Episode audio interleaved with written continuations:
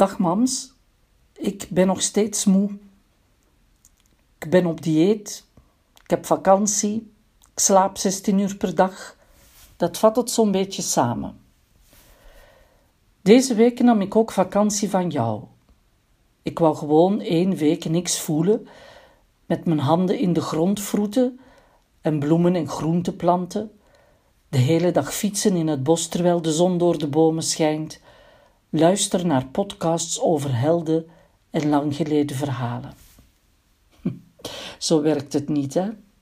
Dat is zoals vakantie nemen. Eindelijk ontspannen en dan gegarandeerd ziek worden, omdat je lijf eindelijk rust krijgt. Hier ben je dan, dood, maar levendig aanwezig in mijn hoofd. Daar gaan mijn voornemens. De plantjes zijn dan maar door Edward in de grond gezet. Van het idee te fietsen in het bos word ik nu al moe en ik val constant in slaap terwijl ik luister naar Bart van Loo, zijn zalige vertelstem over de Bourgondiërs. Ik ben nog steeds zo moe, echt helemaal uitgeput, futloos en geen energie. We zijn ongeveer vijf maanden verder. En ik heb het gevoel dat ik nog geen stap vooruit ben gegaan. Verdriet is een trouwe, maar slechte levensgezel. Iemand zei me vorige week: Ja, je kan je ook wentelen in je verdriet, omdat je op die manier je moeder levend houdt. Maar dat is het niet. Ik wil me niet wentelen in mijn verdriet. Het mag er zijn. En ik ben ook realistisch genoeg om te beseffen dat er nog heel veel leven na jou is. Ik wil dat leven ook leven. Ik verlang er ook naar, opnieuw voluit te kunnen leven en terugkijken naar jou met plezier. Ik ben alleen zo moe. Het lukt me niet. De enige keer in mijn leven dat ik zo moe ben geweest is 23 jaar geleden, toen de artsen ontdekten dat ik een aangeboren immuunstoornis heb. Jij hebt toen hemel en aarde verzet om duidelijk te maken dat ik geen depressie heb. Dat jij vanuit je vak echt wel wist wat een depressie was en dat ik dat niet was. Ik denk dat ze toen gewoon om van jouw gezag vanaf te zijn verder hebben gezocht. Ik kan het me zo voorstellen. Ben je te vroeg verloren? Het is moeilijk om mezelf opnieuw vorm te geven. Hoewel we wisten dat je ging sterven, was ik absoluut niet voorbereid op een leven zonder jou. Het voelt als nooit meer op vakantie gaan.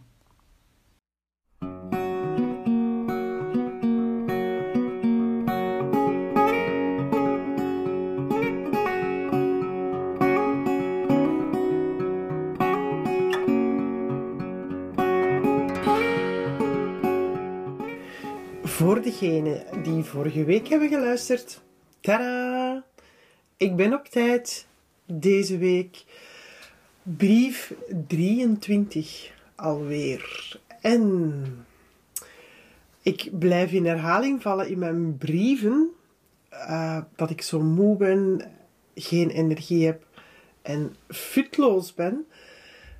En ik dacht bij mezelf, toen ik de brief van deze week las van, goh, Smijers, zijt je nu niet een beetje te veel dezelfde uh, plaat aan het opleggen en aan het afspelen?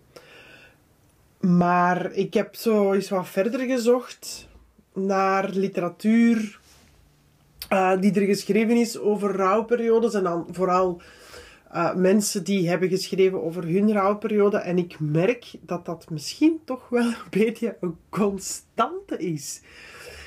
Dat er twee manieren zijn om daarmee om te gaan. Dat je langs de ene kant mensen hebt die, zoals wat, wat mij overkwam, eigenlijk compleet uitvallen. En langs de andere kant dat er mensen zijn die zich net storten in werk en sporten. Ehm, en dan heb ik het uiteraard over mensen die, ja, die als je iemand verliest die echt heel dierbaar is. Hè? En, en dat, dat dat het zo wat is, dat zijn denk ik de twee manieren om daarmee om te gaan. Ehm, gewoon doorgaan met het leven en, en, en werken en, en ja, proberen er niet aan te denken. Of doorgaan met je leven en er constant aan denken en voor maanden en maanden aan een stuk niks anders hebben dan dat. En dat was bij mij niet, niet anders eigenlijk. En ik herinner mij ook nog heel goed die week, dat is zot hè, maar die week herinner ik mij nog echt heel goed. Omdat dat natuurlijk de week was dat ik dan officieel op dieet ging. Omdat er 50 kilo af moest. En dat was de week dat ik naar het obesitascentrum in het Universitair Ziekenhuis in Antwerpen was geweest. Ik had een aantal testen achter de rug, uh, bloedonderzoek enzovoort.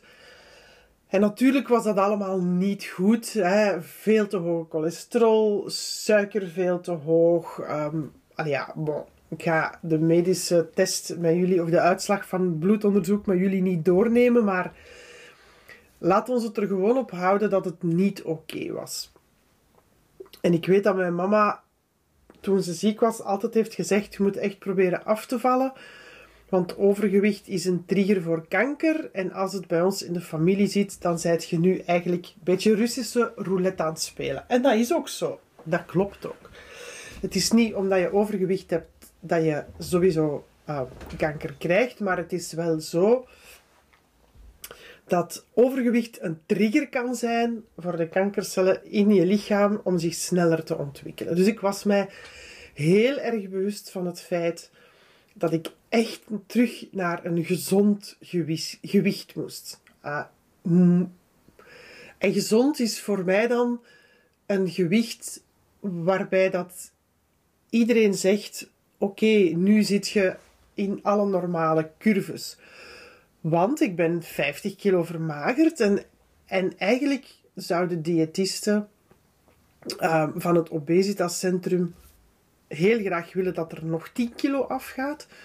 Maar ik heb echt zoiets van, uh, dit is meer dan genoeg, ik voel mij hier prima bij. Maar goed, los daarvan, ik was toen nog aangesloten bij het obesitascentrum van het UZ in Antwerpen.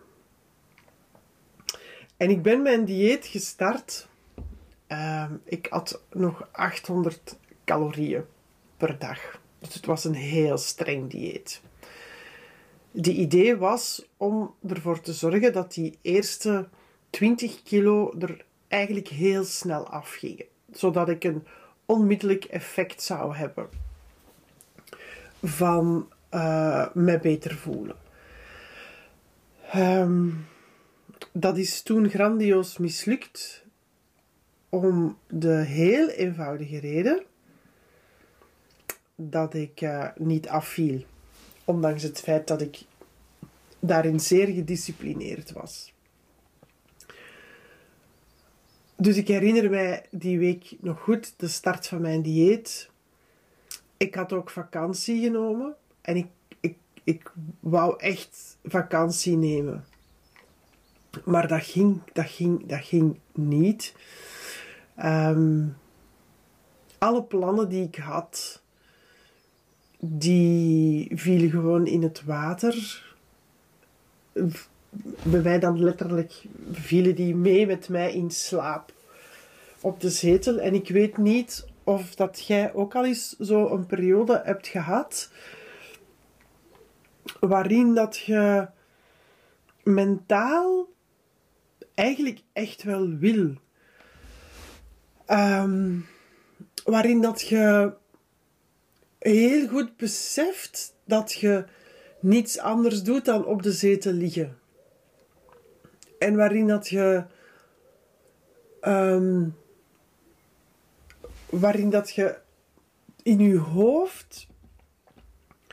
Een, waarin dat je een verlangen voelt naar buiten komen, bewegen, in de tuin werken, uh, met vrienden afspreken, noem maar op.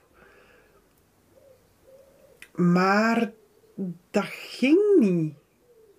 Ik, ik kon mijn hoofd niet verbinden met mijn lichaam. Plus, niet te vergeten, we zijn op dat moment 27 mei 2020 en het land was op slot. Dat is voor heel veel mensen nu nog moeilijk voor te stellen. Maar wij zaten toen midden in de eerste lockdown van de coronaperiode. Van COVID-19 overspoelde de wereld. Er was ook niks om te doen. En ik denk dat dat er bij mij ook voor heeft gezorgd dat ik mij daar misschien wel een beetje aan overgegeven heb. Dat, ehm, stel dat ik nog gewoon had kunnen werken, dat dat voor mij een, een extra reden zou geweest zijn om, om s morgens toch uit mijn bed te komen. Maar het, het moest niet nu. Edward was thuis, die was een, een goede drie maanden voor de COVID-periode um, ontslagen op zijn werk, te oud. Um, tijdens de coronaperiode ja, was dat, had dat totaal geen zin om ander werk te gaan zoeken. Ik had ongeveer drie maanden voor die coronaperiode besloten om geen uitvaarten meer te doen, rechtstreeks voor uitvaartondernemers maar wel rechtstreeks met de families te gaan samenwerken. Maar ja, de wereld was op slot, de horeca was dicht. Dus, dus er konden geen, geen andere uitvaarten gedaan worden dan degene die ons werden opgelegd. Met, denk toen, maximum 50 mensen dat aanwezig mochten zijn met anderhalve meter tussen. Ik, ik wil het eigenlijk kwijt zijn. Ik weet het niet meer precies. En uh, Louis die kreeg thuisonderwijs.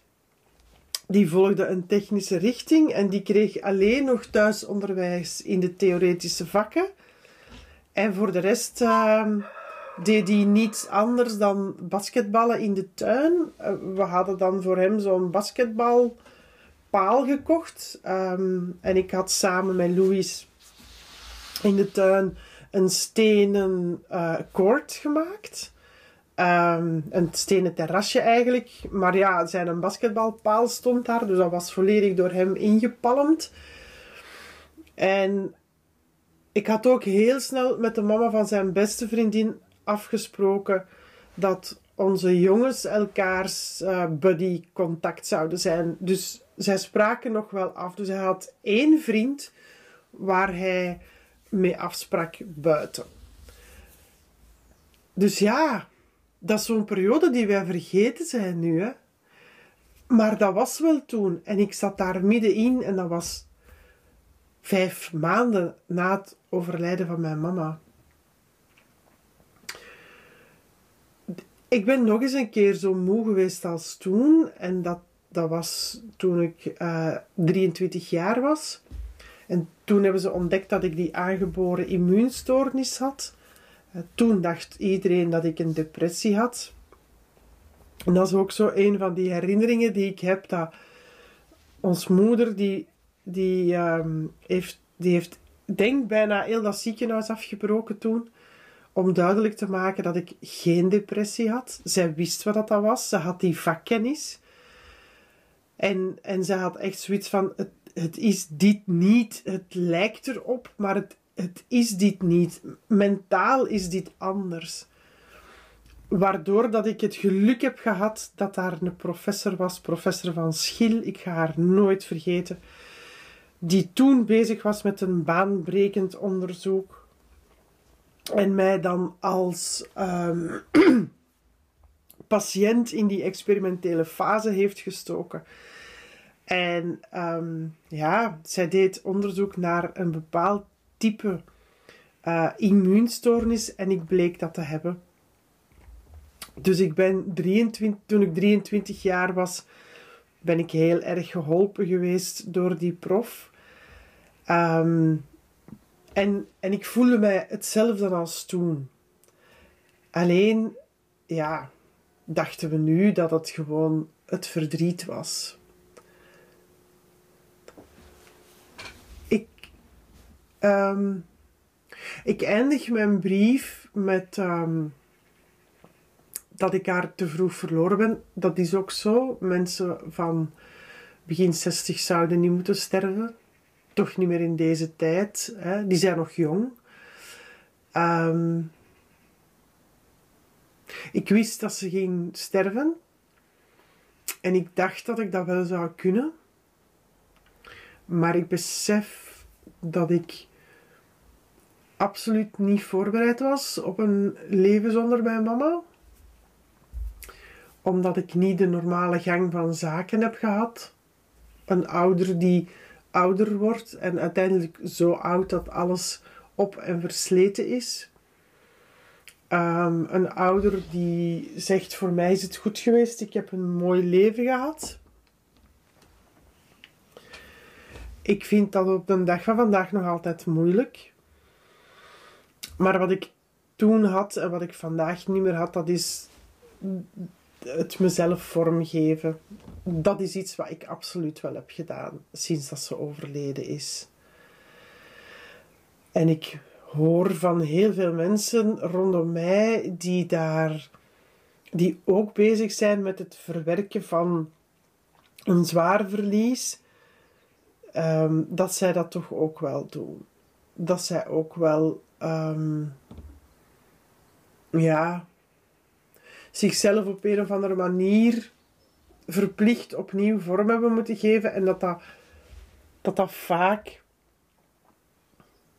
dat ze daardoor vaak een beter iemand zijn geworden. En ik ben hier nu absoluut geen pleidooi aan het houden.